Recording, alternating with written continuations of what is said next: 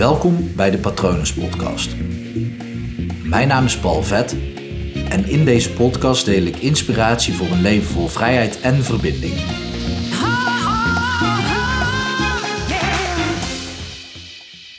Maak jij je druk om de juiste dingen? Toen ik in, moet ik het even goed zeggen, jaartal 2015, eind 2015, op 23 december heb ik de as van mijn moeder uitgestrooid. Zij zou op dat moment verjaren. Ehm, maar ja, op dat moment dus niet meer. Want zij is 8 november overleden. Dus ik vond het wel mooi om het uitstrooien van de as en ehm, ja, toch haar verjaardag op dezelfde dag te laten vallen, aangezien er dat zo kort op lag. En ik dan niet meerdere data in mijn, uh, in mijn jaar zou hebben om steeds weer op een heftige manier aan haar herinnerd te worden. Tenminste, die kreeg ik als tip mee. Ik moet zelf zeggen dat ik eigenlijk heel weinig met data heb. En dat ik dus wel regelmatig aan haar denk. Uh, daar, heb ik niet per se die datum voor nodig of de datum van overlijden. Dat, um, ja, de een die heeft dat wel nodig of die vindt dat fijn en de ander heeft dat minder. Uh, whatever uh, is working natuurlijk. Of ja, alles is goed, om het gewoon in het Nederlands te zeggen. Uh, maar dat had ik gedaan op 23 december en die maandag voelde ik me al een beetje vreemd. En die dinsdag ben ik in het ziekenhuis beland met een blinde darmontsteking. En ik geloof ook dat dat alle spanningen zijn geweest, alle stress, um, alle emoties die opgeslagen waren in mijn lijf, dat die eruit kwamen of dat ik er toe, toen aan toe kon geven. Ja, ik geloof dat het echt wel in mijn lijf was gaan zitten. Uh, zeven jaar ziek, ziektebed van mijn moeder. Uh, maar goed, dat kwam er dus uit door middel van een blinde darmontsteking. Dus die is uh, door middel van een operatie verwijderd.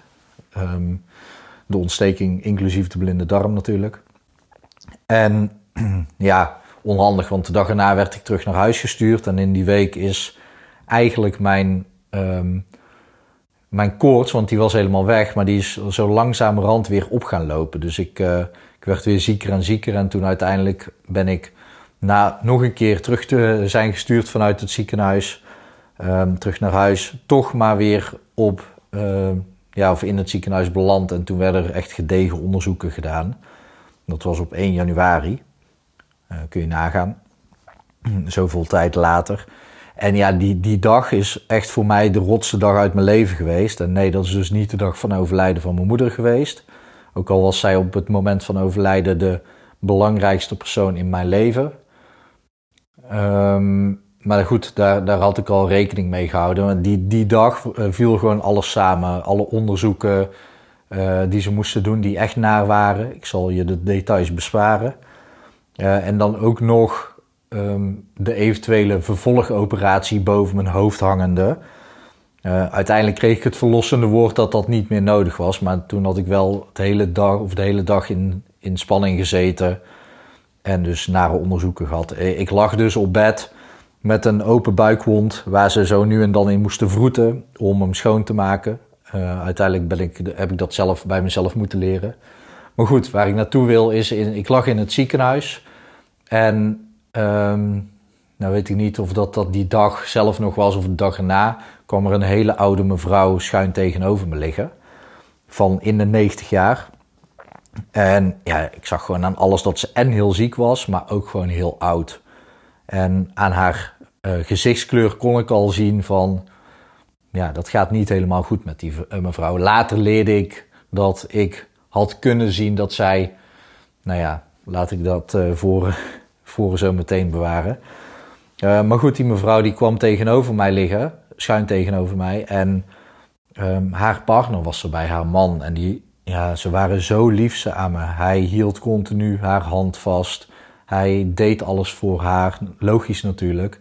Zij kon niet zoveel, ze sprak moeilijk. En heel zachtjes ook.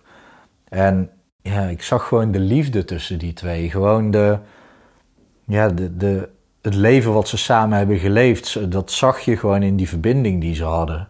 Zo bijzonder en zo mooi om te zien. En zo pijnlijk ook. Want ik zag in de ogen van die man.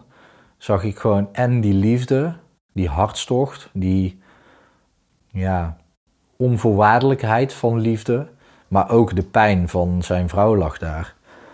En ook uiteindelijk bleef hij dan tot in de avond. En uiteindelijk viel zij steeds weer terug in slaap en deed ze de ogen weer open. Maar hij hield continu haar hand vast. Totdat ze wel wat langer in slaap was. En liet hij haar hand los en ging hij naar huis. Om de volgende ochtend ook gewoon weer meteen terug te komen. Vanaf het moment dat het mocht. En ook weer heel de dag was hij bij haar. Probeerde haar een keertje mee te nemen in een rolstoel. Een blokje rond te gaan. Maar dat, ja, dat had veel voeten in aarde. En ook weer die avond, ook weer hand vasthouden. En zij dommelde de hele tijd in. Maar hij bleef gewoon alleen maar gefocust op haar.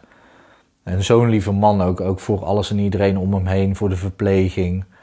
En ja, die vrouw was natuurlijk ook super lief, al kreeg ik daar minder van mee omdat ik er gewoon niet kon verstaan. En ja, de dag erna was hij er weer in de ochtend, die man.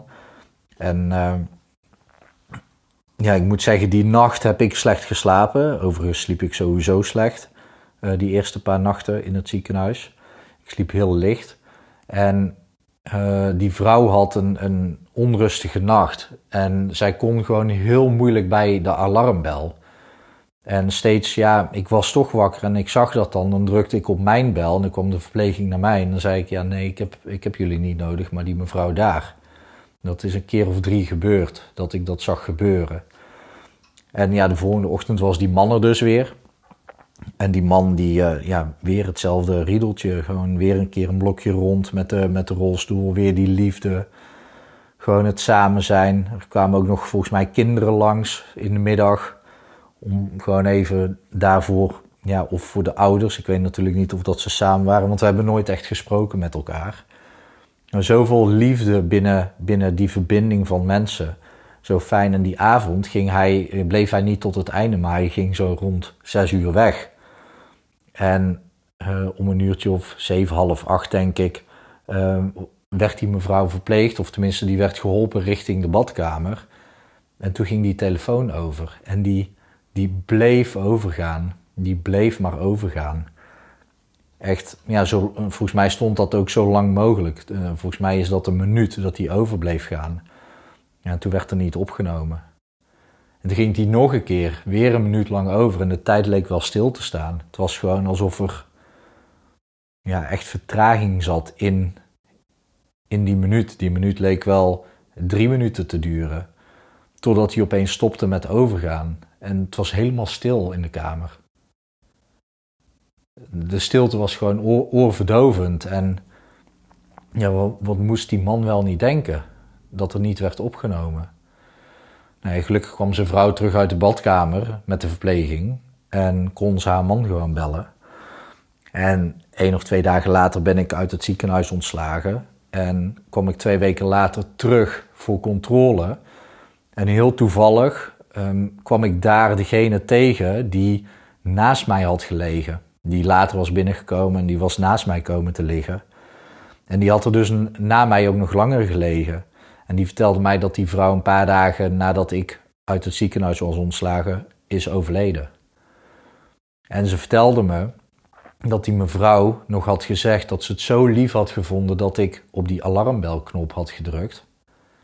Dat had ze nog zo lief gevonden. Terwijl ze aan de laatste dagen van haar leven was, was er zoveel liefde ook vanuit die mevrouw. En heb ik dus met een hele simpele, simpel iets gewoon ik was wakker en ik belde even voor haar.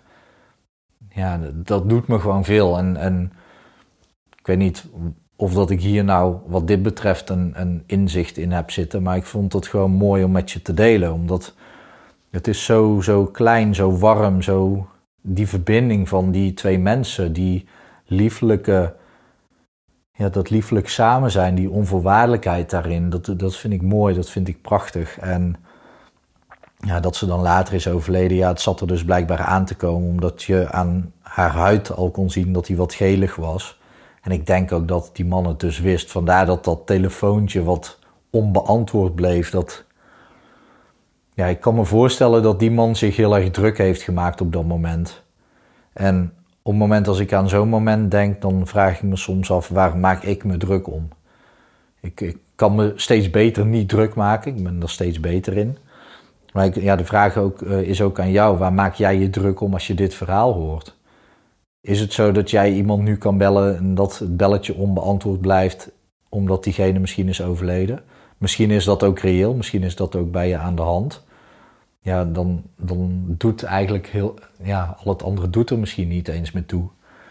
En ja, op het moment dat je dus kan focussen op, oké, welke dingen zijn nou echt belangrijk in je leven? En maak je daar alsjeblieft druk om. En als ze belangrijk zijn en je hebt er geen invloed op, dan heeft het ook weinig nut om je daar druk over te maken. Dus op welke dingen heb je invloed en welke dingen doen er echt toe in je leven? Maak je daar druk om. Ik wil niet dat je denkt dat ik dingen ga bagatelliseren in je leven, maar vooral voor jou is het belangrijk om te beseffen: oké, maar waar gaat het om in mijn leven? Welke dingen vind ik belangrijk en waar wil ik mijn hart voor maken? Ik wilde dit verhaal met je delen. Ehm, ik voelde de noodzaak om dit verhaal met je te delen. Um, dus bij deze, ik hoop dat je er iets aan hebt. Uh, al is het maar even te hebben genoten misschien van het verhaal. Of ja, misschien is het wel een verdrietig verhaal. Maar goed, als je een emotie hebt ervaren, ik ben tegenwoordig blij dat ik emoties ervaar. Dus ik hoop dat je er iets aan hebt. Mocht je hier vragen over hebben of iets met me willen delen, laat me vooral weten via patronen.paulvet.com. En ja, mocht je ook tegen rouw aanlopen en er klaar voor zijn om dat een plek te geven, dan is hypnotherapie een hele goede manier. Kijk dan vooral even op www.hypnopal.nl of gewoon palvet.com wat ik voor je kan betekenen. Ik hoop dat het goed met je gaat. Ik eh, stuur je veel liefde toe en ik wens je nog een hele mooie dag toe.